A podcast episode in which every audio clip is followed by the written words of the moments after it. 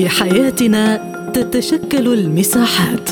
نظل داخلها على اختلاف الثقافات. ولكن في مساحتنا تتحد الغايات. لأننا نغوص في أعماق المجتمعات. فإذا كان لديك وجهة نظر حرة فاهلا بك في مساحة حرة. أهلا بكم مستمعينا الكرام في حلقة جديدة من مساحة حرة وهذه جيهان لطفي تحييكم. في مساحتنا اليوم نناقش هل تتجه مصر إلى تجديد القيود على اللاجئين؟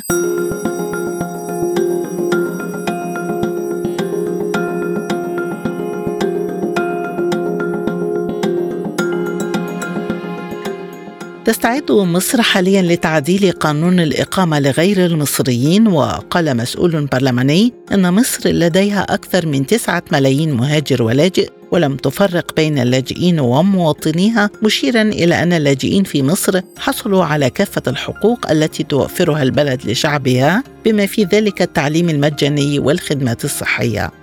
وأوضح عضو اللجنة العامة لمجلس النواب محمد سليم أن المهاجرين باتوا يشكلون عبئا كبيرا على الدولة خاصة في ظل الأزمات الحالية وبالرغم من ذلك لم تقفل مصر أبوابها أمام المهاجرين.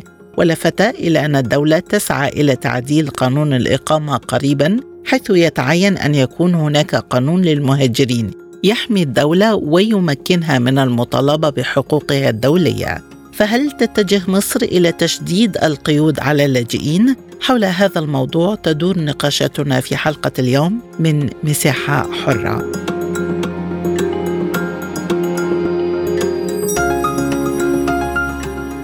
البداية من مصر ومعنا عبر الهاتف خبير السكان ودراسات الهجرة الدكتور أيمن زهري. مرحبا بك معنا دكتور أيمن. سؤال حلقة اليوم هل تتجه مصر إلى تشديد السياسات تجاه اللاجئين؟ وما تقييم حضرتك لمقترح تعديل قانون الإقامة؟ في الحقيقة لا خالص. يعني مصر مش بتتجه لتشديد السياسات الخاصة بالهجرة لكن مصر بتحاول إنها تنظم موضوع اللجوء لأنه في الحقيقة الفترة اللي فاتت يعني كان في دخول يعني مرات دخول كثيره جدا لمصر وخصوصا في العشر سنين اللي فاتت وكان في نوع من عدم التنظيم يعني بننظر للإخوة اللي جايين لنا على إنهم ضيوف. لكن مسألة الضيوف دي يعني ممكن تكون حلوة سياسيا حلوة معنويا لكن هي في الحقيقة بتقف الدولة من أعباء آه اعتبار الناس دي لاجئين. وفي نفس الوقت بي كمان بي بيقلل حقوق الدولة لأنه اللجوء لما بيتنظم بيرتب حقوق وواجبات ليه وعلى الدولة وليه وعلى اللاجئ نفسه. فالدولة دلوقتي بتتجه إنها تعمل قانون لتنظيم اللجوء في مصر والقانون ده عمله مجلس وزراء مصر وأعتقد إن هو أرسل للبرلمان علشان مناقشته وإصدار قانون بهذا الشكل أعتقد في فترة قريبة. توصيف حضرتك لأوضاع اللاجئين من حيث الموقف القانوني وكيف يتم التعامل مع اللاجئ منذ وصوله وحتى حصوله على صفة لاجئ بشكل قانوني. يعني مصر فيها عدد كبير جدا من غير المواطنين من الأجانب. جزء صغير جدا منهم هو اللي بيقدم طلب لجوء والباقي مش بيقدم طلب لجوء. نتيجة تساهل الدولة في الموضوع ده. فنسبة اللي بيقدموا طلبات لجوء قليلة تقريبا يعني لا تزيد عن 300 ألف شخص لاجئ وطالب لجوء مسجلين فعلا في مكتب مفوضيه الامم المتحدة للاجئين في القاهرة. والباقي في الحقيقة يعني لا يسهل حصرهم لأنه في عدد كبير منهم مقيمين بشكل بشكل طبيعي الإخوة السودانيين من حقهم الإقامة العادية في مصر طبقا لاتفاقيات سابقة وقعت بين البلدين وفي أعداد كبيرة جدا من السوريين ومن الليبيين واليمنيين اللي ما بيتقدموش أصلا لطلب الحصول على لجوء. بالنسبة لتعامل مصر مع غير المواطنين عموما وخصوصا من الدول العربية اللي عندها مشكلات مصر بتعتبرهم كلهم في وضعية لاجئ لكن حتى اللي مش مش عاوز يسجل لكن بتطلب منهم إنهم يتقدموا للحصول على إقامة والموضوع بيبقى يعني بسيط. كل من يتقدم أو معظم من يتقدم للحصول على إقامة بيحصل عليها وبتتجدد له بشكل تلقائي بدون أي مشكلات. بالحديث عن هذه النقطة دكتور أيمن هل هناك خلط بين مفهوم اللاجئ ومفهوم المقيم؟ وما تفسير حضرتك لتضارب الأرقام بين تسعة ملايين وستة ملايين وغيرها من الأرقام غير الرسمية؟ هو حضرتك ما فيش رقم حكومي يعني الرقم 9 ملايين ده ده مقترح كده من المنظمة الدولية للهجرة لكن ما فيش رقم حكومي واضح. كل ال ال الأرقام اللي بنسمعها دي هي عبارة عن تقديرات. وباعتباري متخصص في دراسات الهجرة وفي إحصاءات الهجرة يعني ممكن كمان أقول لحضرتك تقديراتي. لكن هي الفكرة كلها إن إحنا بنتكلم عن كتلتين سكانيتين. الكتلة الأولى هي اللاجئين ومن في وضعيتهم والكتلة الثانية هم المهاجرين أو الأشخاص المقيمين إقامة شبه دائمة في مصر ولا تنطبق عليهم شروط اللجوء. ودول زي ما قلت لحضرتك معظمهم من الإخوة السودانيين اللي من حقهم يدخلوا مصر ويقيموا ويشتغلوا ويتملكوا طبقا لاتفاقية اتعملت بين مصر والسودان سنة 2004 مع اتفاقية الحريات الاربع فعندي كتلتين مش ما ينفعش إن أنا أقارنهم ببعض. إذا ما هو تقييم حضرتك للتعديلات المقترحة على قانون الإقامة؟ وهل هناك قبول عام لهذه المقترحات؟ في الحقيقة التعديلات اللي طرحتها الحكومة في قانون اللجوء هي لسه اولا في البرلمان هتخضع لمناقشات معمقة في البرلمان بغرفتي وبالإضافة للخبراء والمجتمع المدني. لكن كلها بتصب في مصلحة تنظيم اللجوء وليس انتقاص من أي مزايا بيحصل عليها اللاجئ طبقا للاتفاقات الدولية لأنه مصر من البلدان اللي صدقت على اتفاقية اللاجئين 1951 والبروتوكول المكمل لها. وفي الحقيقة مصر يعني تعاملها مع اللاجئين حتى من أيام اللجوء السياسي الانتقائي في بداية عصر الجمهورية أيام الرئيس الراحل جمال عبد الناصر لغاية دلوقتي تعاملها مع اللاجئين يعني تعامل إنساني يفوق حتى ما تضمنته المواثيق الدولية. كيف تتعامل الدولة المصرية مع الضغوط الاقتصادية الناجمة عن إعالة هذه الأعداد؟ وهل هناك مساعدات دولية تقدم لمصر؟ طبعا يعني مصر بتتعامل مع الموضوع بشكل بسيط إنه من الناحية الاقتصادية بالذات يعني لهم ما, ما لنا وعليهم ما علينا يعني ما فيش أي نوع من التفرقة بين اللاجئ أو المهاجر والمصري من حيث الحصول على خدمات التعليم من حيث الولوج إلى أسواق العمل وخصوصا في القطاع غير الرسمي وحضرتك عارفه إن القطاع غير الرسمي في مصر بيستوعب ملايين يعني. فيبدو الموضوع مقبول وتتحمله الدولة المصرية بشكل لا يمثل ضغط كبير أما التعويل على مساعدة المجتمع الدولي فأعتقد أنه مسألة المساعدات وعلاقتها بحجم العبء الواقع على مصر تعتبر هزيلة جدا ولا تمثل في الحقيقة يعني مساعدات مجزية. تحدثت حضرتك عن عدم وجود فارق في التعامل مع اللاجئين والمقيمين على المستوى المجتمعي هل هناك فرق في التعامل الرسمي بين اللاجئين والمقيمين؟ خاصة أن هناك أعداد من اللاجئين يأتون إلى مصر كنقطة عبور لدول أخرى.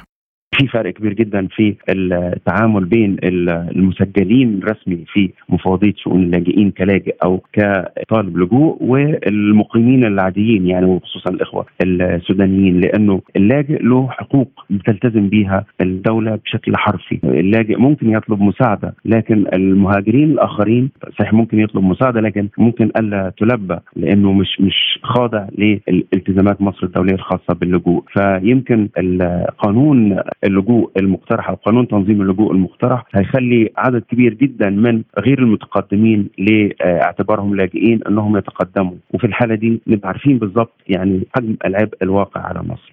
إذا هل تؤثر هذه الفوضى على الأمن القومي أو المجتمعي في مصر في ظل عدم وضوح الفوارق بين اللاجئين والمقيمين وغيرهم؟ نظريا طبعا ممكن ده يؤدي يعني إلى إخلال بالأمن القومي لكن الحالة العملية بتقول إنه الدنيا عادي ماشية عادي وما فيش مشكلة في وجود هذه الأعداد الكبيرة وخصوصا إنهم هم بيجوا في شكل شبكات هجرة يعني كل الناس اللي موجودة في مصر تقريبا بيبقوا ليهم علاقات عائلية ببعض وليهم علاقات يعني كويسة من قبل حتى ما يوصلوا للارض المصرية. بالحديث عن شبكات الهجرة دكتور الدولة المصرية نجحت في ضبط الحدود بدعم دولي لماذا برأيك هناك ضبابية في مسألة ضبط المشهد على المستوى الداخلي؟ ما فيش ضبابية ولكن في نوع من القبول. يعني الدولة لا تنظر للموضوع على أنها دولة مستقبلة للاجئين زي أوروبا ولازم تنظمهم ولازم ما يشتغلوش إلا بموافقة رسمية. يعني الدولة المصرية أعتقد أنها بتمارس سياسة لطيفة وهي سياسة غض البصر. يعني حتى ممنوع مثلا أنه اللاجئ يشتغل لكن بيشتغل في القطاع غير الرسمي ومفتشين العمل أعتقد أنهم يعني بيتعاملوا مع الموضوع بأنه نوع من السماحة بناء على توجيهات سياسية من مستويات أعلى. أخيرا ما هو دور منظمات المجتمع المدني في التعامل مع مشهد اللاجئين داخل مصر؟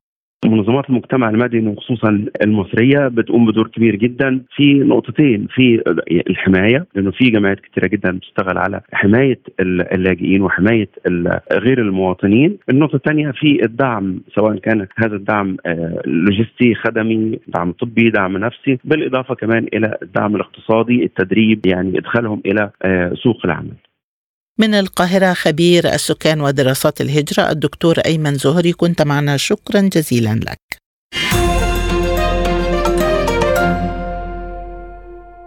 وحول الجانب الاقتصادي لوجود ملايين اللاجئين في مصر معنا من القاهرة أستاذ الاستثمار والتمويل الدكتور وائل النحاس. مرحبا بك معنا ضيفا عزيزا دكتور وائل. وبداية ما هو تقييم حضرتك لفلسفة الدولة المصرية تجاه اللاجئين؟ تحياتي لحضرتك وللسادة المستمعين في اعتقادي في البداية إن موضوع اللاجئين داخل الدولة المصرية ما بياخدوش الشكل اللاجئين بالنسبة للعالم بالكامل، إحنا بنتكلم النهارده عندنا لاجئين سوريين، ليبيين، سودانيين، عندنا لاجئين يمنيين من بعض الدول العربية مثل العراق وما شابه ذلك من لبنان الفترة السابقه بيتعاملوا على إن هم مواطن مصري بالفعل، بيتمتعوا بكافة الصلاحيات وكافة الميزات اللي بيتمتع بها المواطن المصري بما فيها حتى الصحة والتعليم وما شابه ذلك من بعض الأساسيات اللي هي لازم الحياة، فبالتالي مصر النهارده لا تتعامل مع من لجأ إليها باعتبارهم إنهم لاجئين كما يتعامل معهم العالم بكامل بالفعل وده بيؤدي بالفعل إلى تفاقم الأزمة الاقتصاديه في الدولة المصرية. حيث الدولة المصرية مطالبة بزيادة النهارده كميات كبيرة جدا من حجم المعروضات الأساسية للزوم المعيشة. وملتزمه النهارده بتوفير العدد والمزيد من الأماكن اللي هي الخاصة بالسكن وما شابه ذلك كل الحزب اللي إحنا بنتكلم عليه دي بيكبد الموازنة المصرية والميزانيه المصرية كثير جدا من الخسائر. وبالأخص وإحنا عارفين إنها بتمر بأزمة كبيرة جدا وهي أزمة عدم التمويل أو عدم النهارده اللجوء إلى السوق الديني العالمي وما شابه ذلك. فبالتالي ده على الاقتصاد المصري بالسلب الفترات الحالية والفترات القادمة. إذا كيف يؤثر وجود ستة ملايين أو تسعة ملايين لاجئ على الاقتصاد المصري في ظل الأزمة الحالية وإلى أي مدى يمكن أن تصمد الخدمات أمام هذا الضغط؟ ده بيشكل أزمة كبيرة جدا بالفعل. إحنا بنتكلم إن دولة مصر دولة بتعاني من بعض المشاكل الاقتصادية العنيفة جدا تقريبا ماشيين في خطة اصلاح من 2016 وحتى الآن ولم تأتي اكلها حتى الآن. بالعكس هناك مزيد من العجز هناك مزيد بالفعل من انخفاض الجنيه مزيد من الأزمات والتضخم وشابه ذلك. وده كان سبب بالفعل توالي النهارده اشقائنا العرب آه، من بعض يعني تدمير اللي حصل لبعض دولهم وشابه ذلك الدولة المصرية. ده بيخلي النهارده دور الدولة المصرية إن هو بيحاول إن هو بدل ما بيتقدم إلى الامام بيتراجع يعني إحنا النهارده بنلاقي إن المواطن النهارده العربي اللي جاي قاعد على الأرض المصرية بدأ يشارك المواطن المصري جزء كبير جدا من حياته سواء إذا كان بالفعل في سكنه في مواصلاته في تعليمه في صحته في طعامه كل ما هو بالفعل. فبالتالي الدولة المصرية أيضا عاجزة إنها تقدر تلبي كافة هذه الاحتياجات وده نوع من أنواع المشاكل اللي إحنا بنتكلم عليها اللي ادى لارتفاع تضخم إلى منطقه ال 35.7 في الساعات الأخيرة. يعني إحنا بنتكلم هل هناك بالفعل بعض المنظمات التي تساعد الدولة المصرية كما تساعد بعض دول العالم؟ ما فيش منظمات بتساعد هل النهارده اللاجئ من بعض الدول العربية للدولة المصرية هل بالفعل بيعامل كما يعامل في أي حتة في العالم؟ مفيش الكلام ده. هو عايش في وسط المصريين ما بين المصريين حول المصريين ويتمتع بكافة صلاحيات المصريين في كل شيء. فإحنا بنتكلم هنا اللاجئ كشكل لاجئ واخد بالك؟ مش هو ده الشكل العالمي اللي موجود للاجئين في مستوى العالم. ولكن خلينا نتكلم بصراحة وده اللي إحنا تقريبا لمسناه كمصريين. ابتدوا يمارسوا كمان جزء كبير جدا من الأعمال. يعني النهارده شايفين اللاجئين بيمارسوا جزء كبير جدا من اعمال المصريين سواء الحرفية أو الصناعية أو الانتاجيه أو مش عارف إزاي. شايفين وده ما أخشاه إن يكون رقم النهارده 6 مليون أو 5 مليون أو 4 مليون زي ما كنت تقديرات اللي بتتكلم عليها لبعض الجهات داخل الدولة المصرية. أعتقد إن ده ممكن يكون موجود كمان تحت بند إن هي دي واردات بتجينا من السياحة أو النهارده تحت أرقام السياحة. ويكون تقديراتنا لواردات السياحة من دولار أو عملة أجنبية أو دولارات تكون خطأ. فعشان كده بنتكلم لا إحنا عايزين بالفعل يبقى في مفهوم جديد للاجئين داخل الدولة المصرية. إعادة تصنيفهم اجتماعيا ومجتمعيا وسكانيا لأن نتكلم بمنتهى الصراحة. عندي قضية كبيرة جدا. هل وجود النهارده الإخوة السودانيين داخل منطقة أسوان وما شابه ذلك هل من الممكن أن يكون هناك ترابط أسري بين الطرفين ما بين طرف جنوب مصر وما الطرف الشمالي السوداني ومن الممكن أن يكون هناك بعض المشاكل السياسية فيما بعض أو المشاكل العرقية وما شابه ذلك؟ لازم ندرس ده النهارده قبل ما تحصل لنا مشاكل بعد كده. لو حصل نوع من أنواع التزاوج ما بين الإخوة العرب اللي جايين داخل الدولة المصريه وما بين المواطن المصري ماذا سيحدث النهارده لتغيير الجنسيات والطبقات الخاصة بالجنسية داخل الدولة المصرية؟ يعني إحنا بنتكلم الأرقام الموجودة النهارده مش عايز أخش شايلها كرقم فقط لا غير لأن الرقم لو أنا اتعاملت مع رقم هيكون ليه أزمات وليه أبعاد سياسية واقتصادية صعبة جدا. إحنا مش عاملين حسابها حتى الآن. بالحديث عن هذه النقطة دكتور ما تأثير هذا على الأمن القومي خاصة مع اتجاه المجتمع للتعامل مع اللاجئين بكثير من الانفتاح؟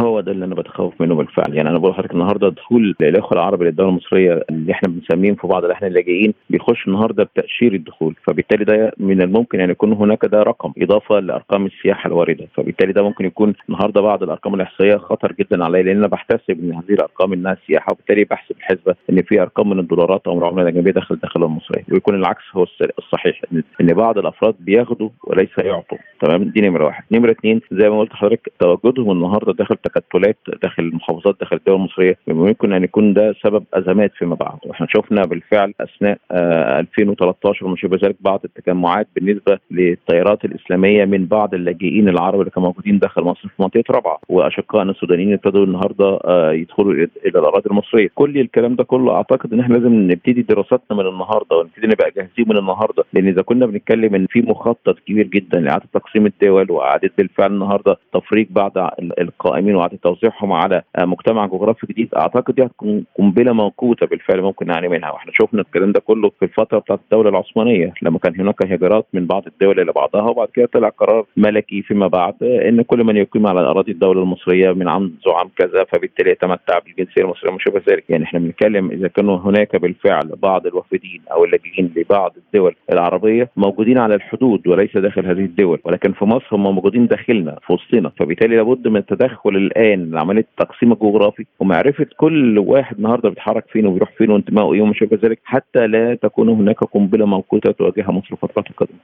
في وجود حالة من الخلط بين اللاجئين والمقيمين هل يمكن أن يؤدي تشديد السياسات حيال اللاجئين إلى التأثير على الاستثمارات الخارجية؟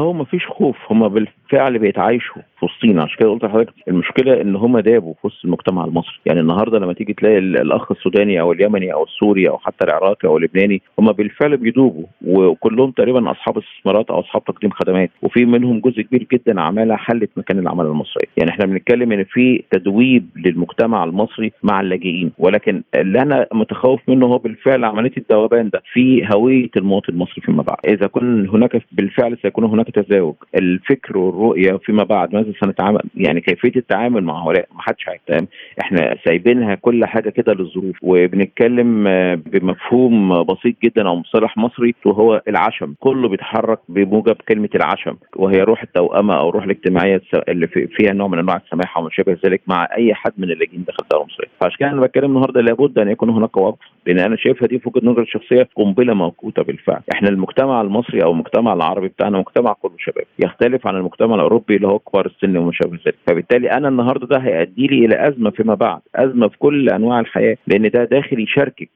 في تعليمك بيشاركك في صحتك بيشاركك في الغذاء بتاعك بيشاركك في مسكنك بيشاركك في كل حاجة. طب هل مصر النهارده مستعدة؟ هل أنا النهارده دولة اقتصادية كبيرة وإحنا عندنا بعض الدول الأشقائنا العرب ما بيعملوش الكلام ده خالص مع إن عندهم إمكانيات اقتصادية كبيرة جدا إنما كلهم بيحطوهم في أماكن تجمعات خارج الحدود وبيتعاملوا معاهم بصفتهم إنهم لاجئين ولا يتمتعوا بأي شيء من هذه الامتيازات. ولكن الآن مصر تمتص كل هؤلاء وتضاوب كل هؤلاء داخل نسيج واحد فقط لا غير. ما هو المستقبل؟ لا أحد يعلم. كيفية التعامل النهارده بموجب هذه المعطيات والمخرجات؟ لا أحد يعلم. فعشان كده بنتكلم لابد أن يكون هناك وقف. ومصر ما بتفرقش ما بين اللاجئ اللي جاي لي من أي دولة عربية هو بالفعل مواطن شقيق داخل الدولة المصريه من القاهرة أستاذ الاستثمار والتمويل الدكتور وائل النحاس. كنت معنا. شكرا جزيلا لك.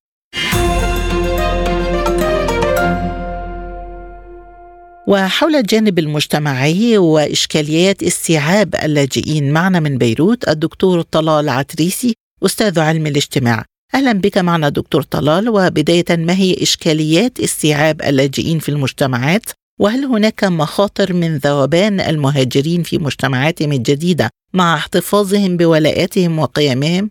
مشكلة اللاجئين في دول ومجتمعات جديدة هي مشكلة معقدة ومشكلة تتراكم بمرور الزمن في البداية اللاجئ لا يشعر بالأزمة من حيث الهوية والانتماء والدين لأنه يفكر في الانتقال فقط من مكان لا يريده إلى مكان يعتقد أنه هو المكان الأفضل. بمرور الوقت يواجه اللاجئ مشكلات الانتماء السلوك الديني بشكل خاص والعادات والتقاليد التي نشأ فيها وتربى عليها وتختلف تماما عن المجتمع الجديد خاصة في في أوروبا المشكلة معقدة لأنها من طرفين طرف الجهة التي تستقبل والتي تريد دمج هؤلاء بشكل كلي في المجتمع. بحيث يتخلوا عن تقاليدهم وعاداتهم وممارساتهم. والطرف اللاجئ الذي يريد أن يستفيد من المجتمع الجديد لكنه يريد أن يحافظ على عاداته وتقاليده وممارساته الدينية وغير الدينية. هذه المشكلة لم تجد الحل المناسب لغاية اليوم وهذا ما أدى إلى نشوء ظاهرة الإسلاموفوبيا في أوروبا أو في بعض بلدان أوروبا. وإلى ظاهرة يعني السكان الضواحي مثلا أو الأحياء الخاصة بالمهاجرين في بعض البلدان. المسألة تحتاج إلى تعامل قانوني واجتماعي يسمح من خلال الحق في الانتماء الثقافي والحق في التنوع يسمح لهؤلاء المهاجرين بالاحتفاظ بما يتناسب مع هويتهم وثقافتهم ولا يمنع من اندماجهم العام من حيث القانون وشروط العمل والتنقل والسكن وما شابه ذلك. بهذه الطريقة يعني تتراجع إلى الحد الأقصى التوترات بين الطرفين. ويواجه اللاجئون أزمة عندما يتعرضون لضغوط تتعلق بهويتهم الثقافية مثل الحجاب على سبيل المثال. فهم من جهة لا يرغبون في العودة إلى بلدانهم. ومن جهة ثانية لا يريدون أن يتخلوا عن ما يعتبرونه أساس في اعتقادهم الديني أو هويتهم الثقافية. وبالتالي هذه المسألة قد تؤدي في بعض الحالات إلى نشوء ظاهرة العنف أو التعامل بقسوة من طرف قانون وقوى الأمن كما شاهدنا ما حصل في فرنسا في الفترة الأخيرة، يعني من جهة قوات الأمن تعيش حالة من التعامل العنيف مع المهاجرين ومن جهة ثانية المهاجرون يعيشون في بيئة من الشعور بالتهديد وبالتعامل القاسي هذا يحتاج إلى سياسات مختلفة لا توظف اللاجئين في العملية السياسية وفي نفس الوقت تحتاج إلى التعامل معهم بأقصى درجة من التسامح. دكتور مسؤولية ضبط مشهد اللاجئين داخل الدول هل هي مسؤولية رسمية للحكومات أم مسؤولية مجتمعية؟ ضبط اللاجئين داخل الدول هي مسؤولية حقيقة مشتركة من الأطراف الثلاثة يعني. مسؤولية الحكومات والقوانين ومسؤولية المجتمع الذي يستضيف اللاجئين ومسؤولية اللاجئين أنفسهم. بحيث أنه على اللاجئين أن يتقيدوا. بالأنظمة والقوانين وألا يتجاوزوها بحجة أنهم يعني غرباء أو لا يعرفون ماذا يجري من حولهم. هذه مسألة أساسية لأن الناس عموما في المجتمعات التي تستضيف اللاجئ لا ترغب في أن ترى أي شخص يخرق القوانين التي لا تجرؤ هي على اختراقه أو تجاوزه وبالتالي هذه اولا مسؤولية اللاجئين لكي يتعلموا ما هي الأنظمة وما هي القوانين التي يجب أن تحترم وأن يتم الالتزام بها. هذا طبعا يقلل من بيئة العداء والنفور من اللاجئ. ثانيا مسؤولية مجتمعية نعم هذا يحتاج إلى أن تكون الجمعيات المختلفة المدنية الأهلية التي تتعامل بالقضايا الاجتماعية وقضايا النزوح واللجوء وما شابه ذلك أن تساعد وتساهم في نشر المعرفة وفي تقبل الآخر بين اللاجئين وبين الأوساط الاجتماعية. وبالإضافة إلى مسؤولية المنظمات الاجتماعية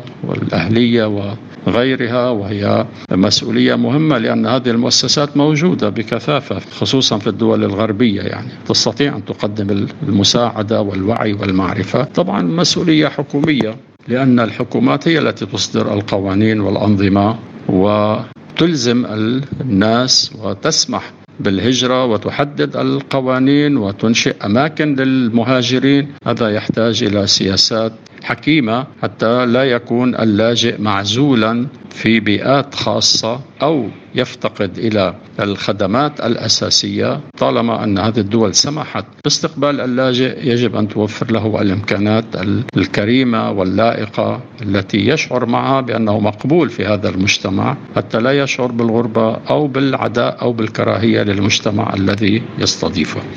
إذا كيف يمكن للدولة التعامل مع المنافسة غير العادلة في أسواق العمل بين لاجئ يقبل بظروف غير عادلة ومواطن مستقر يطالب بحق العمل بامتيازات محددة؟